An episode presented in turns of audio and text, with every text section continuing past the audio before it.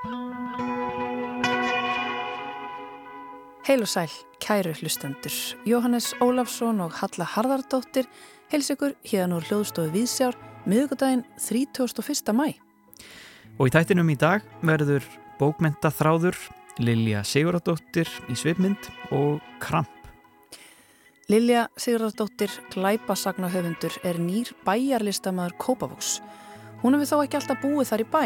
Lilja var aðeins fimm ára þegar hún laðist í heimsornaflakk með fjölskyldu sinni. Þau byggu í Svíþjóð, Mexiko og Spáni, auk þess að ferðast um fleiri lönd en komu alltaf reglulega til Íslands. Plani var alls ekkert að verða rítufundur en handréttasamkeppni Bjarts árið 2009 var til þess að hún skrifaði sína fyrstu bók, Sporið. Árið 2015 kom út fyrsta sagan í spennu þríleik sem kom Lilju rækilega á framfæri hér heima á Erlendis. Þetta var Gildran og næstu tvö ár fylgdu Netið og Búrið. Bækurnar fjallu vel í kramið hjá lesendum og hafa nú verið þýttar og gefnar út í mörgum löndum.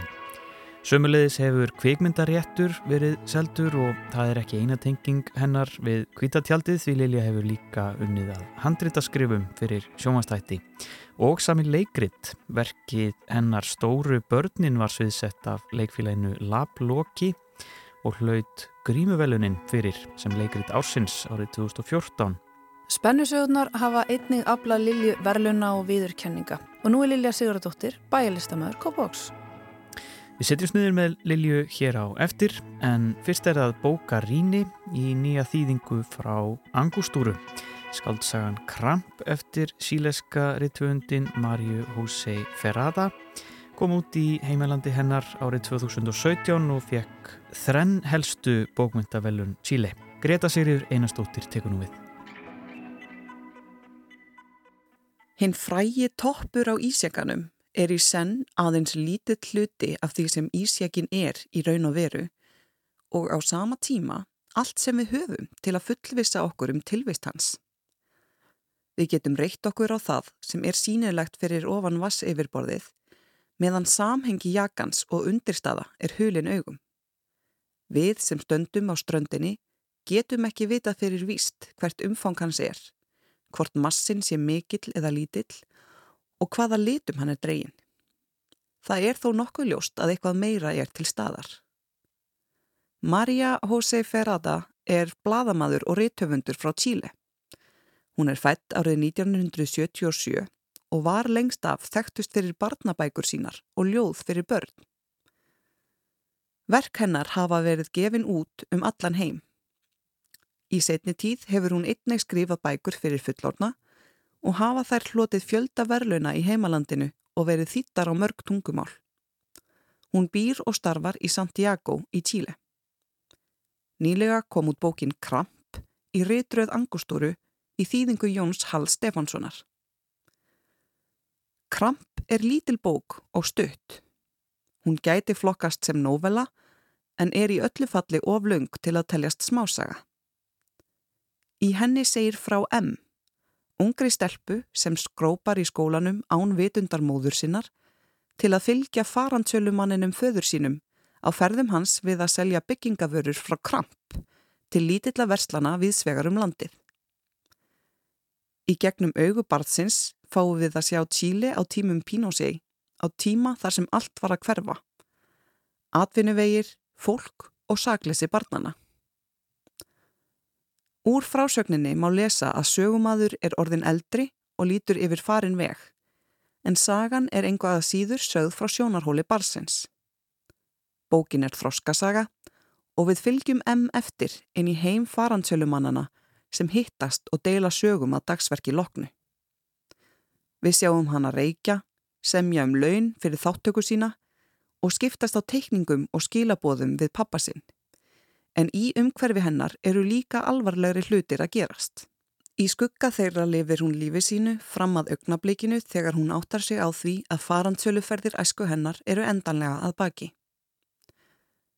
Eitt helsta enginni bókarinnar er það hversu litlar uppleysingar lesandin fær.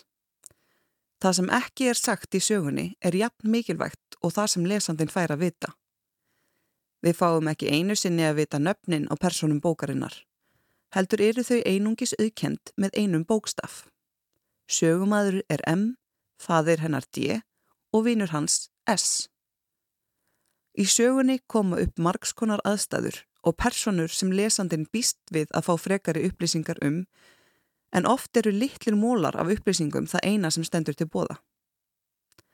Móðir sögumanns er til að mynda þjöguð af óhamingu og á sér bæði leindarmál og fortíð þar sem eitthvað hefur komið fyrir.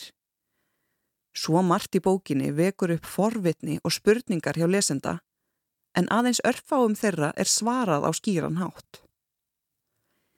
Í eftirmála bókarinnar kemur fram að árið 2014 hafi Maria José Ferrada sendt frá sér ljóðabókina Niños. Svo inni heldur 38 ljóð sem hvert um sig er tilengað barni sem kvarf eða let lífið undir ógnastjórn Pínósitt. Þrátt fyrir að tilefni skrifana sé skjelvilegt, innihalda ljóðin sjálf engöngu fegurð, ímyndaðar myndir úr hverstagslífinu og hugar heim barnana. Eins og segir í eftirmálanum. Myrkrinu og hatrinu er útýst úr sjálfum tekstanum svo að minningina látnu verður tær og hrein upphafning á töfrum bernskunar. Þar eins og í kramp er hið ósagða jafn mikilvægt og það sem sagt er. Eitt af því sem er ósagt í bókinni er að atbyrðir sögunar eiga sér stað á tímum oknastjórnar í landinu. Það sem lesandi veit um þann tíma og mannskvörfin sem áttu sér stað fyllir upp í einhver göti sögunni en önnur verður lesandi að sjá fyrir sér sjálfur. Frásögn sögumanns er líka að einhverju leiti tilfinningarlega fjarlæg. Hún talar um föður sinn og móður, lífsitt sem barn og unglings og bæði góðar stundir og hræðilega atbyrði. En það er lítið dvalið við flest atriði í frásögninni. Mannskvarf og vörubæklingur faransjölumanns fá nánast jafnmörg orð og það er sett í hendur lesandans að meta hver áhrifamestu augnablikin eru. Frásögnin er blátt áfram. Á einum stað í bókinni segir Þennan dag hafði ég komist að eftirfarandi. Að ég var einn. Að ég var einn. Að lífið var einmannalegur staður. Og að allt þetta fjellundir flokkin hlutir sem voru bara eins og þeir voru. Sagan á sér stað á umbrótatímum í sögu Tíli. Ólíklegt er að börnin skilji þetta ástand til fulls og í þeirra heimi er þeirra nánasta umhverfi og það sem foreldrar þeirra segja og gera mun mikilvægara en einhverjir stjórnmálamenn. Það að sagan er frásögn barns gefur henni áhuga að verða vít þar sem áherslur eru óvenjulegar. Vörulisti frá kramp er í hennar augum líkillina heiminum. Þó er sagan langt frá því að vera barnaleg. Án þekkingar á frum tungumálinu er alltaf erfitt að meta gæði þýðingar en ekki er hægt að sjá annað en að Jóni Hallei Stefánsinni hafi tekist vel til að þýða bókina yfir á íslensku. Íslenski tekstin rennur ágætlega og það sem ekki er hægt að gera ráð fyrir að íslenski lesendur þekki menningarlegt samhengi er vandamálið leist með neðanmálsgreinum til útskýringar. Eftirmálinn bætir svo við samhengi um höfund og umhverfi sögunar fyrir þá sem ekki þekkja mikið til. Það er ekki úr vegi að minnast á að Kramp er nýjasta verkið sem kemur út í reytröð angústúru af þýttum bókum viðsvegar að úr heiminum. Valið er yfirleitt vandað og það er alltaf spennandi þegar ný bók í einföldu kvítu broti kemur inn um lúuna. Þó kápan sér látlaus er hugaða smáadriðum í hönnuninni og hverri bók fylgir postkort með teikningu eða mynd sem er lýsandi fyrir bókina eða höfundin á einhvern hát. Kramp fylgdi kort með róm og skrúfum eins og nýkomnum úr vörulista kramp. Það má alltaf gera ráð fyrir því að bækurnar frá angustúru séu vandaðar og áhugaverðar þó það hitti jafnvel ekki alltaf hver og einn einasta í mark. Vandaðar þýðingar og eftirmálar sem styðja við lestur gera allar heimsins sögur aðgengilegar fyrir íslenska lesendur. Kramp er áhugaverð bók Þróskarsaga M í skugga herfóringjastjórnar, efnahagslegra þrenginga og pólitískra ofsókna er sögð á knappan hátt og lesandin verður að geta lesið millir línana. Tilfinningarleg fjarlæð sögumanns og hinn knappi stíl sögunar gerir lesturinn þó krefjandi og þegar maður er óvanur þessum stíl getur verið svekkjandi að fá ekki meiri upplýsingar en þær sem gefnar eru. Ég átti erfitt með að sökva mér í heim bókarinnar en veldi henni þeimun meira fyrir mér eftir lestur. Greta Sigriður Einarstóttir fjallaði hér um Kramp eftir tílaska rítvöndin Maríu José Ferrada sem kom út nýverið þjá Angústúru í þýðingu Jóns Hals Stefánssonar. En það er komið að svipmynd þessarar viku og að þessu sinni setjast við niður með nýskipuðum bæjalistamanni Kópavóks, glæpasagnahöfundinum Lilju Sigurðardóttur og hún allar að setja fyrsta lægið á fónin.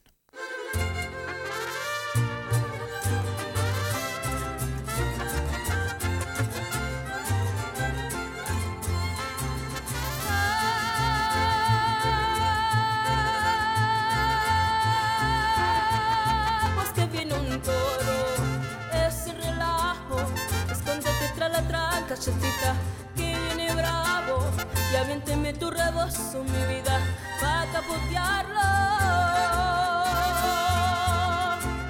Toro, toro, toro.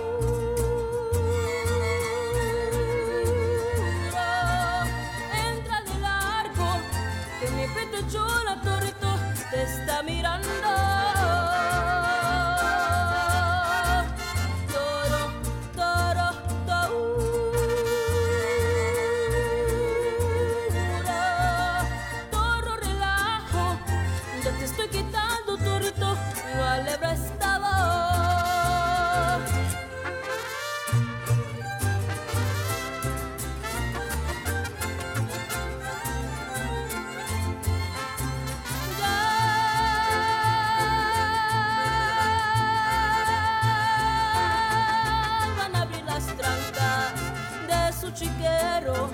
Ya le quité ese toro, mi vida, lo mi tutero. Él va como borriquito, chesita, a su potrero. Toro, toro, toro.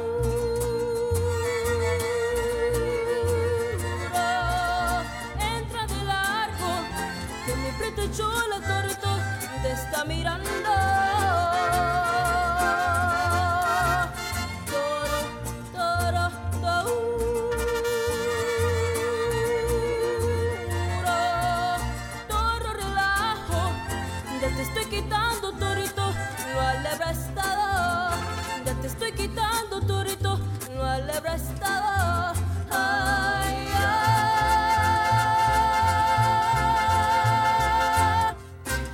Lilja Sigurðardóttir Rittvöndur er komin hingað til okkar í Sveipmynd og hún valdi þessa músik sem við erum að hlusta á hérna um, Lilja, ég ætla að byggja þig um að segja betur frá henni. Þetta er eitthvað svona mariachi tónlist. Ég hef ekki hlusta á svona, svona tónlist áður mikið, verði ég bara að segja hérna hreint út. Það er kannski ekki skrítið. en ég hérna, ég er svolítið alveg upp að hluta til við mariachi tónlist að því að, að við byggum í Mexiko þegar ég var lítil.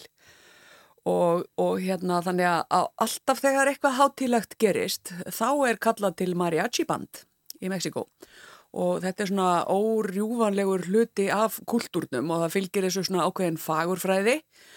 Og svo sko tengist eh, mariachi líka svo skemmtilegan hátt glæpasögunum vegna þess að sko það mariachi hérna böndin nú til dags í Mexiko þau syngja doldið mikið um glæpuna af því að sko þessi gengjakultúr í Mexiko og, og, og hérna þessi narkós og það mm. og það er til svona ákveði fyrirbæri sem heitir narkokorrido sem að hérna, mariachi böndin syngja gerðan um hetjudáðir narkóana mm. en sko þetta mariachi band hérna valdi ég nú bara svona að því að þetta er eiginlega bara fyrsta kvenna mariachi bandið sem er að gera þetta aldrei gott.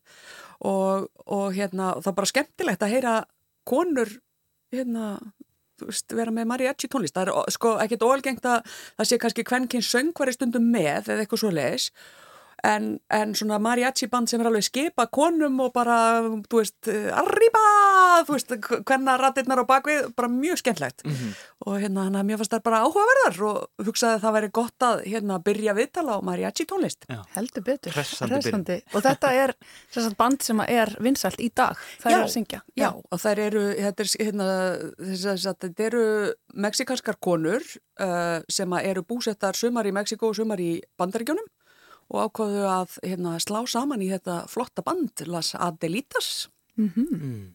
Og er það líka daldið að syngja um hennar narkos heim eða bara... Reyndar ekki, sko, Það- reyndar ekki, það hafa ekki verið mikið í því. Það hafa svolítið verið að taka hins vegar svona ábreyður af hinn og þessu og meðal annars flotta ábreyðu af Amy Winehouse-lægi og svona og gaman að heyra það í mariachi búningi Mhm. og hérna bara svona gaman að þeim, sko. En er sungið um þá eitthvað, eitthvað svona sérstök efni, er það fer bara eftir Nei, er þessar gangi, eru svona eða? klassískar, ég myndi segja að þær væru sko, það er ómikið sko, þú veist, sungið um það sem er að gerast, mariachi band, þú getur panta mariachi band heim til þín til dæmis þegar þú ert ammæli Já. og þá syngja þeir um þig. Mhm. skilur en það er kannski sett inn í eitthvað svona ákveði form sko, þú veist svona manjanitas það, það er hérna til dæmis algengt að ve vekja fólk með mariachi söng þegar það á ammæli og hérna Er þetta ekki eitthvað sem við þurfum að fá meira hérna yfir í okkar Mér kultúr? finnst það sko, ég hefði svo oft viljað sko senda einhverju mariachi band snemma á mótni á ammælinu. Þú veist þetta veku líka lukku hjá nágrununum og svona, svona getur ekki orðið pyrraður eða er allt í einu mariachi band bara í garðinum á næsta húsi. En er þetta hefð sem að þið fjölskyldan hafi viðhaldið? Setið Sko- þið mariachi á fónin þegar uh, Það þið... er ammæli, já við syngjum svona mariachi, svona manjanita skjarnan hérna hvert fyrir annað þegar við eigum ammæli. Segðu segðu okkur aðeins frá þessari sko Mexikotengingu. Já, sko, uh, foreldrar mínir eru svolítið svona ævintýra fólk og ég, þau eru sko eila aðeins of gömul til að vera hippar en tóku samt kannski doldi þann lífstílinn sko. Þau hérna vildu bara sjá heiminn og skoða sig um og pappi sagt, er uh, sagfræðingur og, og sérhæði sig í sögu Rómusku Ameríku og Mexikusku byltingunni Kolumbusi og svo framvegis. Þannig að við byggum svolítið það sem hann komist í einhver söfn og eitthvað svo leiðis. Og þau einhvern veginn viluðu bara ekkert fyrir sér að bakka börnuna niður í bakboka og flytja eitthvað Mm. út í heim. Og, og hérna, við hérna, fluttum svolítið og, og, en alltaf tilbaka til Íslands. Og þar af tilbaka í Kópavók tvisasinum. Mm Og ég bý í Kópavogi núna. einmitt. En hvernig var að alast upp á svona flakki? Sko, það var bara mörguleiti fínt, sko. Ég, hérna, kannski svolítið skrítið að því að það er svona, ég á ekki einhverju svona mikið tengingum, þú veist, einhverju svona gamla skólafélaga hópa og eitthvað svo leið, sko. En hins vegar á maður, uh, sko, kannski vinna og kunningi út um allan heim Mm og, og minningar og svona ég á mjög auðvelt með að átta mig á nýjum aðstæðum og koma mér þægilega fyrir, hvort sem það er bara hótelherbyggið eða hvað, sko, ég bara, mér líður heima hjá mér allstaðar. En var það alltaf góð tilfinning að vera að fara á nýjan stað? Já, sko, það er svo skrítið að, að hérna, mamma og pappi, sko, náðu einhvern veginn alltaf að spóla upp svolítið æfindargirðina í okkur, krokkonum líka, sko. Þannig að við vorum alltaf spennt, sko. Það var alltaf eitthvað spennandi framöndan, sko. En hérna, en mér fannst ekki alltaf gaman að koma aftur heim til Íslands. Þótt að maður saknaði alltaf Íslands þegar við vorum í burtu. Heldur þetta sé reynsla sem að þú hefur nýtt í skrifin? Sko, öruglega. Já, svona frekar auðvelt með að setja mig í aðstæður einhvern veginn annar og ímynda mér hvernig líf fólks er þótt að lífi, lífi, sko, lífi lífi sem er ólíkt mínu.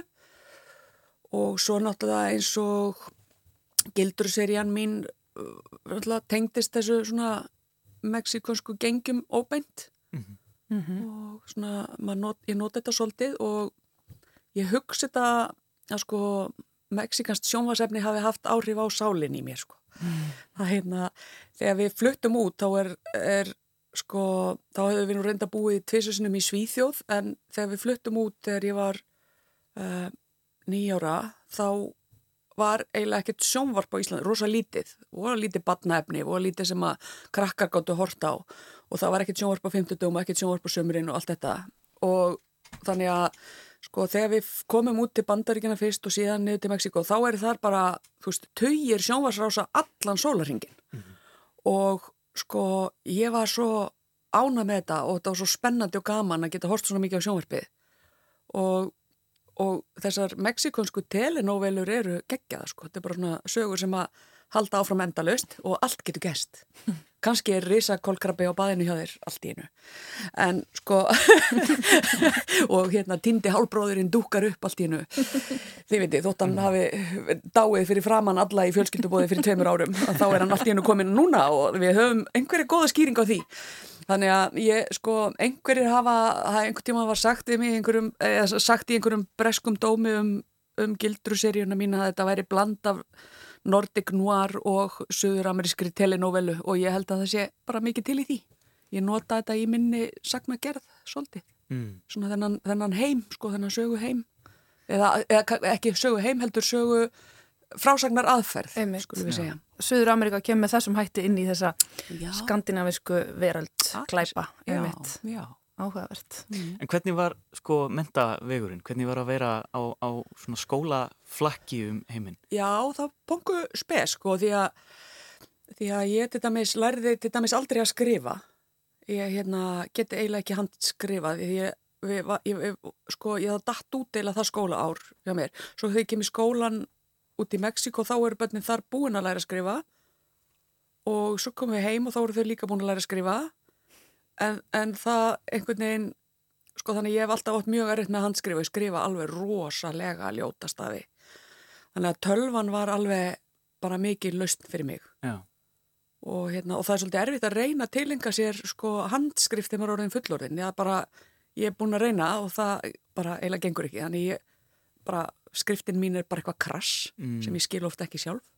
En, en tölvan er gengjuð mm. því að þá get ég skrifa bara mjög hratt En talmálið, varstu þá þeimun stekkar í að sko tilenga þér einhvern veginn? Já, ég, hérna, ég, ég tala ennsku spænsku og, og auka íslenskunar og, og þegar ég var krakki þá gæti ég hérna babla pingulítið að ná all en sem er svona lokal mál í Mexiko en og ég talaði sænsku líka sem barn en ég múi að gleyma henni Já.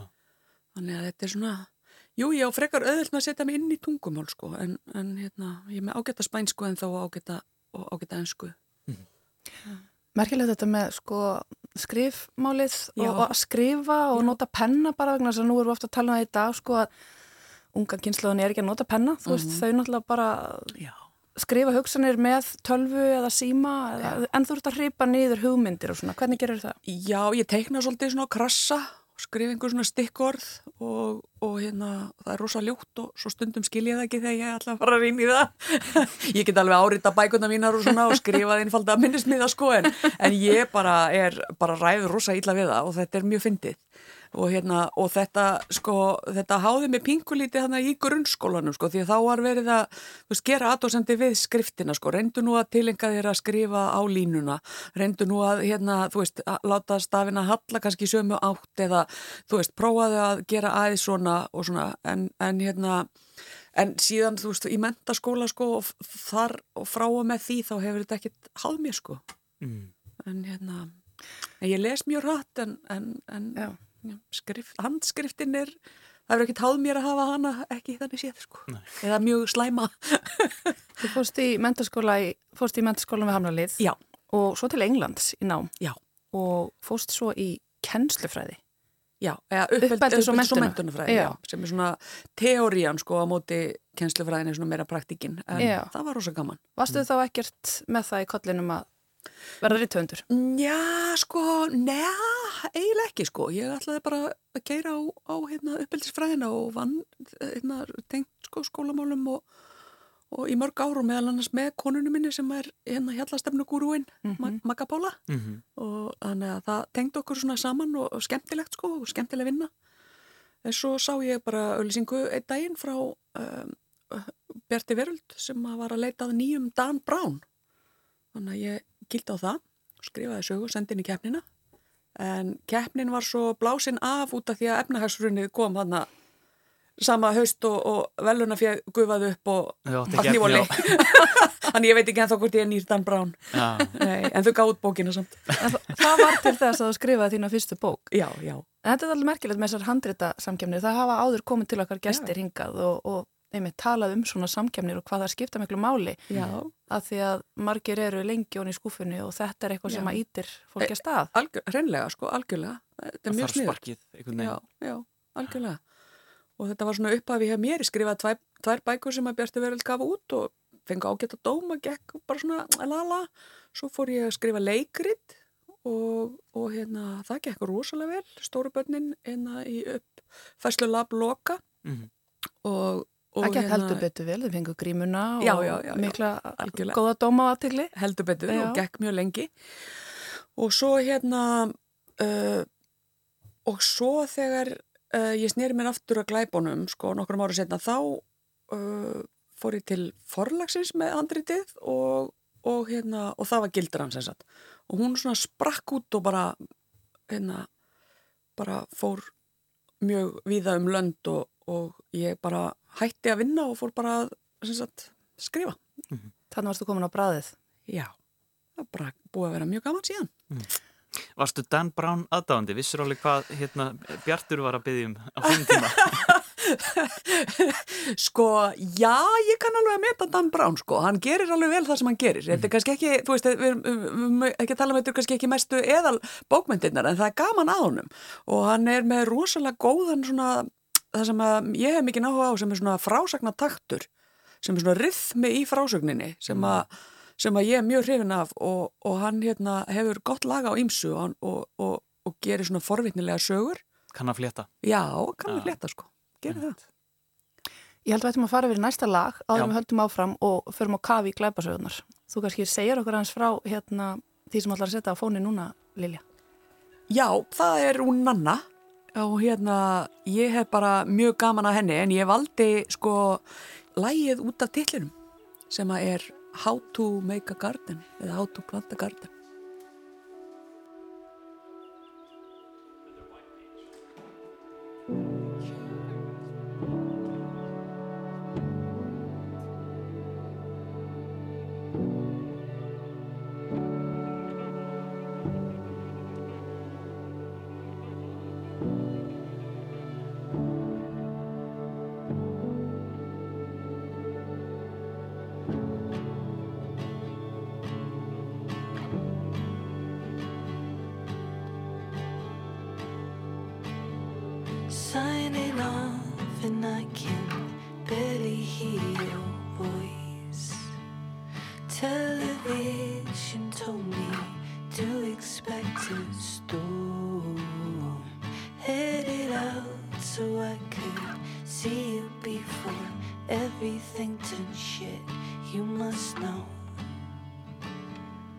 What I know. Though you say that we started a garden after the snow.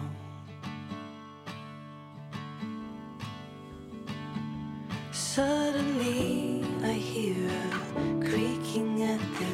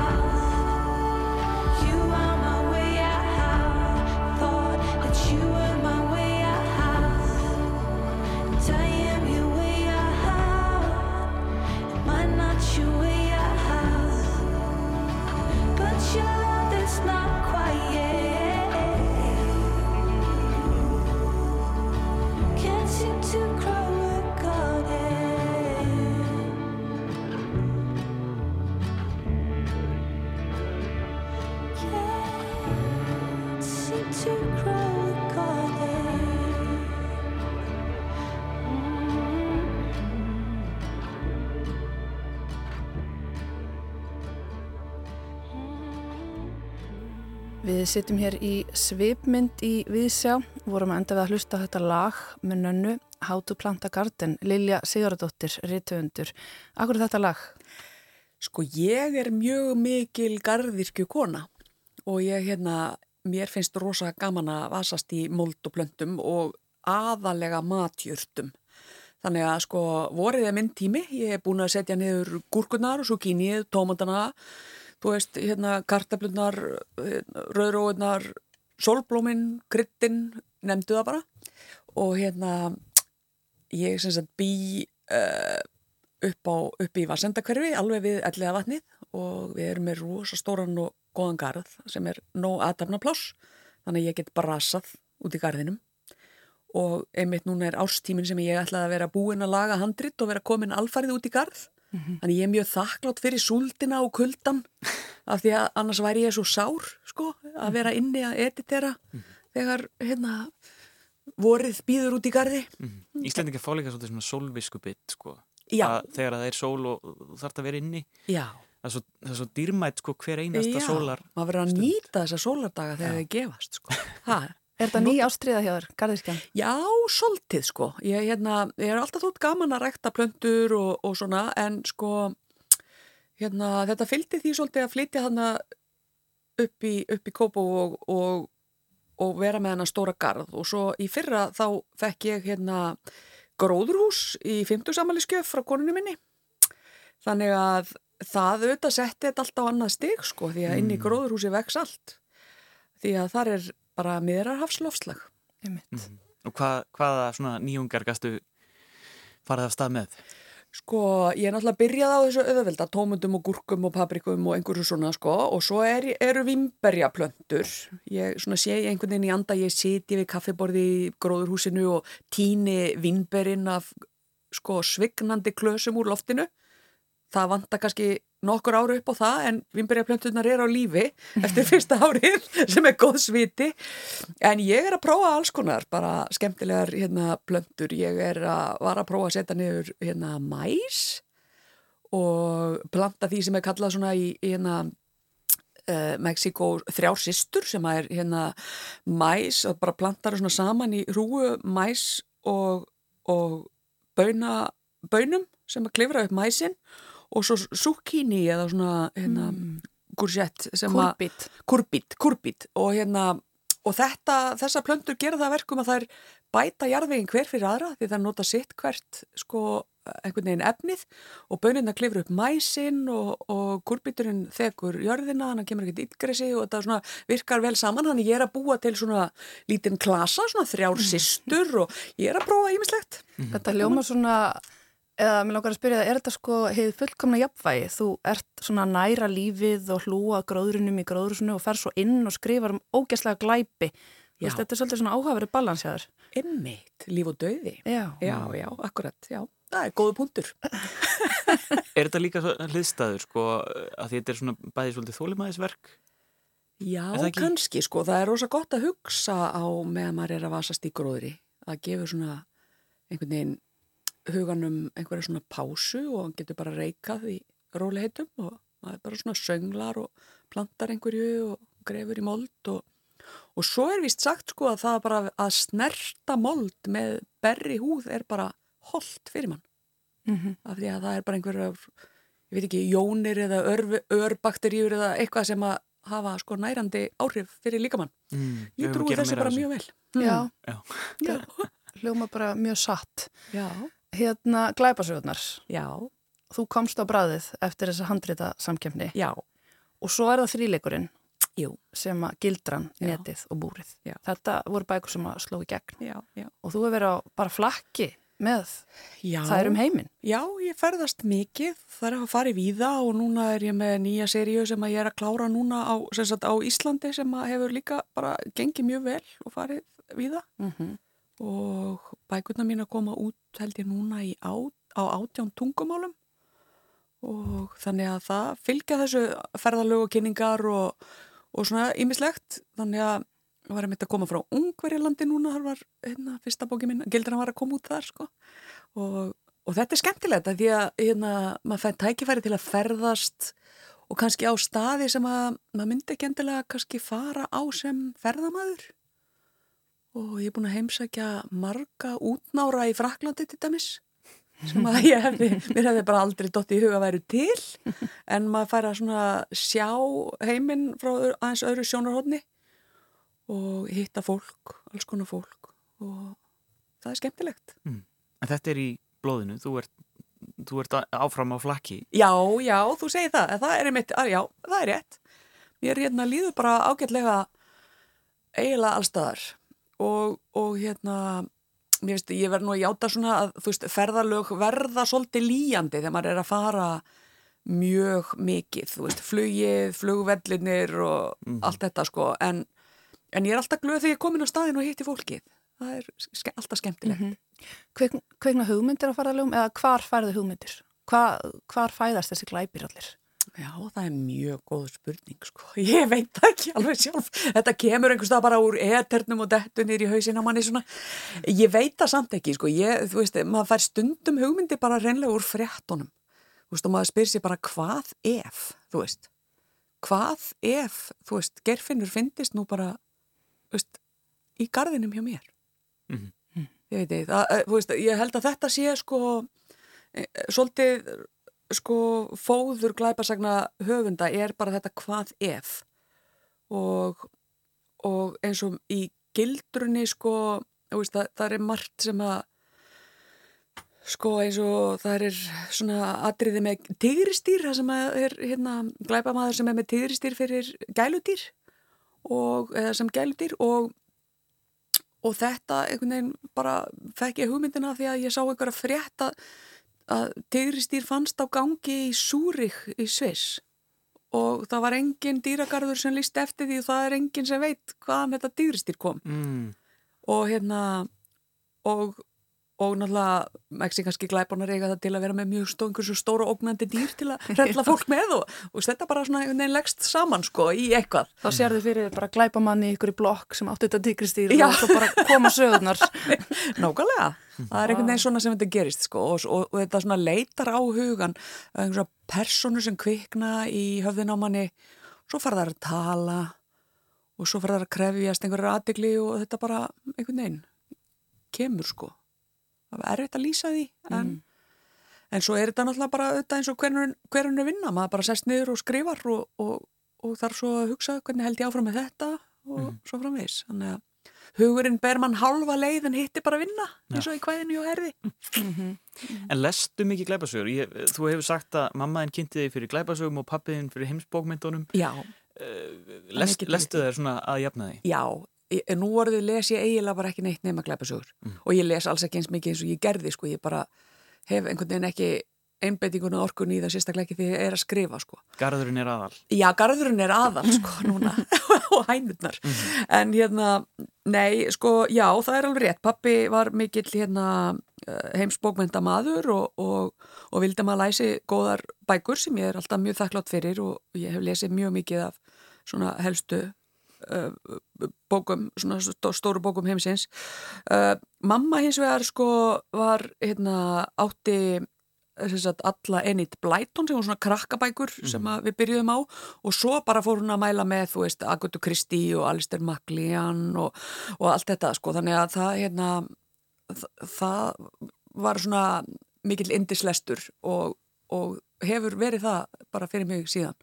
Glæpasögur gefa manni svona aðeins aðra lestrar ánægju en, en uh, margs konar annars konar bókmyndir að gefa svona ákveðina fílingu sem að er alltaf hérna, skapa spennu, skapa forvitni. Þetta er oft svona einhver heila leikvimi maður er að velta hlutum fyrir sér og verður að halda fram til að sjá hvort maður hafi rétt fyrir sér.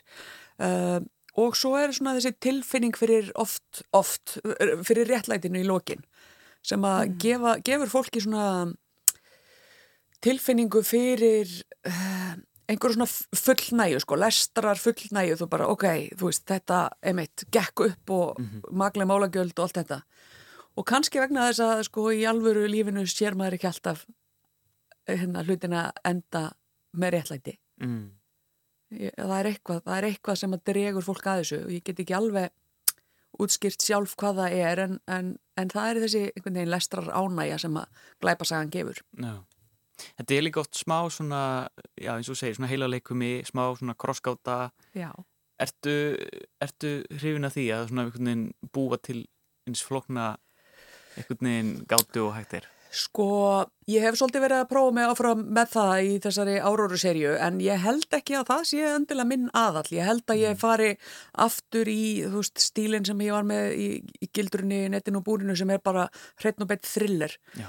Það sem að maður fylgist með framvindunni bara um leið og hún gerist og, og spennan skapast af því að þú eiginlega veist að hlutinir er að fara ítla. En vonar að þeir gera það ekki og hérna, en munu þetta alltaf gera það, fyrst þetta er thriller. Alveg. En talandi um thrillerin og þennan þríleik aftur Já. að því að nú hefur kvikmyndarétturinn verið seldur til bara Já. bandaríkjana segða okkur hans frá því. Já, það, það er nú svolítið síðan sko. Það er hérna Palomar Pictures sem er, er hérna, fyrirtæki Sigurjón Sigvatssonar og þau eru búin að eiga réttir nokkuð lengi og, og við býðum enn, kveikmyndabransin er furðulegt dæmi sko, þannig að við skulum sjá hvað gerist. Já. Vonandi einhver daginn og getum við séð þetta í sjónvarpi. Þetta tekur allt sinn tíma. Að, að gera það sko og ég myndi rífa af mér hárið ef ég væri kvikmynd að gera maður sko því þetta er svo, þannig erum við að tala um eitt verk sko í einhverju svona áratuga þróun. Þú veist, bara sjö ára, átt ára, níu ára dæmi sko á meðan bókina, maður skrifa bók og hún er komin í búðirnar sko um haustið. Og það er hérna finnst mér og gott að því ég er svona afkasta miðuð típa svolítið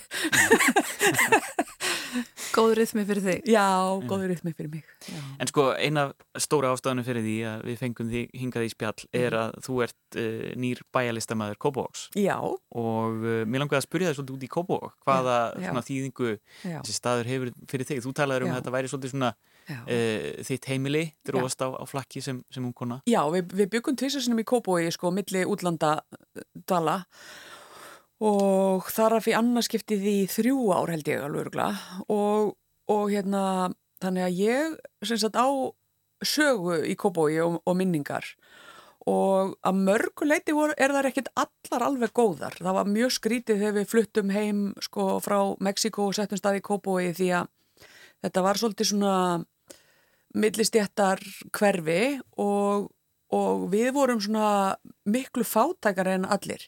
Úst, pappi minn var eini pappin sem fór í strætó í vinnuna og maður átti ekki allir þessi flottu föt og svona sem krakkarnir voru í og allt þetta. Og, og það var svona, já, maður var oft með einhverja svona minni máttakendi yfir efnahag og einhverju svona sem að- þú veist, þegar maður er bann. En svo á ég líka svo rosalega góða minningar úr Kópói því að ég náttúrulega átti hérna góðar vinkonur og vini og bókasafnið var alveg bara minn, einn af mínum uppáhald stöðum í Kópói og, og þannig að þar sko gætt ég bara hérna rifið í mig bækur og alla glæpasögurnar og allt þetta. Og fór stundum með skýrtinni mitt og skýrtinni mömmu og skýrtinni stóri sýstu minna til að geta tekið út skamtinn sko því að ég hámlas mjög mikið þegar ég var krakki.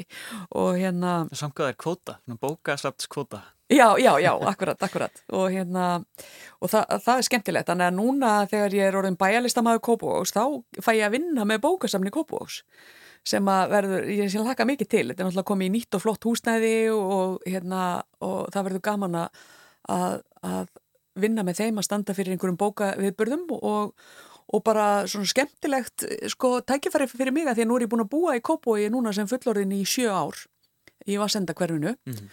Og þannig að ég er svona kópavoksk útkverfa genta en hérna þetta er svona útkverfi kópavoks Já. en hérna en ég hlakka mikið til að svona búa til bara fleiri góðar minningar hérna uh, úr kópavogi og, og og bara standa fyrir einhverjum skemmtilegum hérna, bóka viðbyrðum. Ég er rosa hérna, glöð með, með þennan heiður og titil og alltaf bara að reyna að gera þetta eins vel og ég get.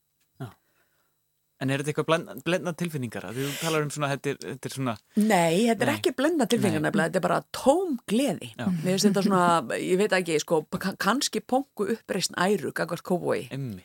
þú veist, að hérna, og, og ég er rosa glöð, mist kóbói er æðslu bæri í dag. Já. Þetta er hérna, það er margt flott og skemmtilegt þar í gangi og mikið, sko, ég er nú verið menningalíf. Og þetta er náttúrulega næst stærsta uh, þéttbílisvæði, eða næst stærsti bær á, á Íslandi og, og svona fær ekki alltaf þá aðtikli sem hann á skilið. Þannig að nú mun bæjarlistamæðurinn reyna að standa fyrir einhverju hugulegu og skemmtilegt líka bara að þau skuli velja hérna, þau skuli velja uh, glæpasagnuhöfund sem, uh, sem bæjarlistamann.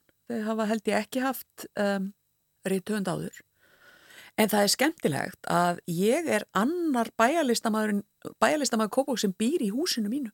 Það er húsið okkar sem við makabála búum í með fjölskyldu er sem sagt, heitir Gilsbakki og er eldgamalt hús uh, niðri á, á Vassbakkanum við allega vatnið og þar bjó áður maður nafni Ingiberg Magnússon, myndlistamæður og hann sem sagt fyrir margt löngu síðan, hann er ný dáin og hann var líka fyrir löngu löngu síðan bæjarlistamæður Kópós þannig að Mm. það er skemmtilegt, það er einhver stemning í þessu húsi og Já. þessu svæði sko. Skilja eftir einhvern, einhvern anda. Já, Lilja Sigurdóttir, frábært að hafa þarna hjá okkur. Það er svona fer að líða lókum þáttar. Um, við höfum uh, hefð fyrir því hér að spyrja nokkura hraðaspurninga.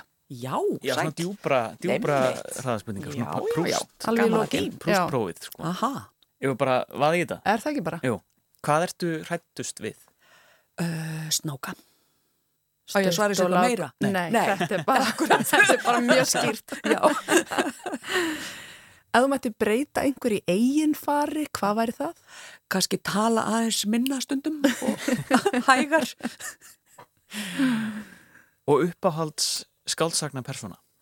Úlala, vá, þetta er mjög, mjög erfið spurning sem er ekki hægt að svara hratt en úlala, hvað er ég að segja? Ég ætla bara að velja einhverja af mínum eigin, segjum bara Lady Gugulu Ég er að vinna í henni núna sko Já. Lady Gugulu. Spennandi.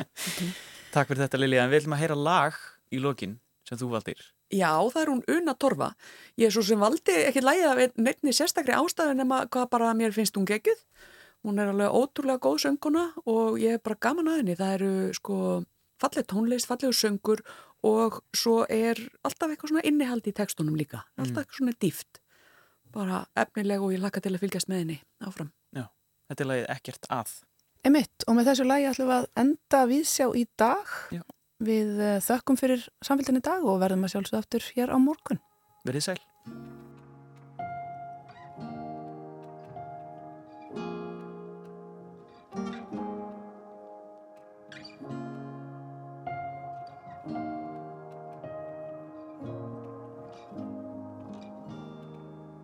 Ég er með hólur í hausnum. Munn sem segir þér frá. Ég er með augu sem leka.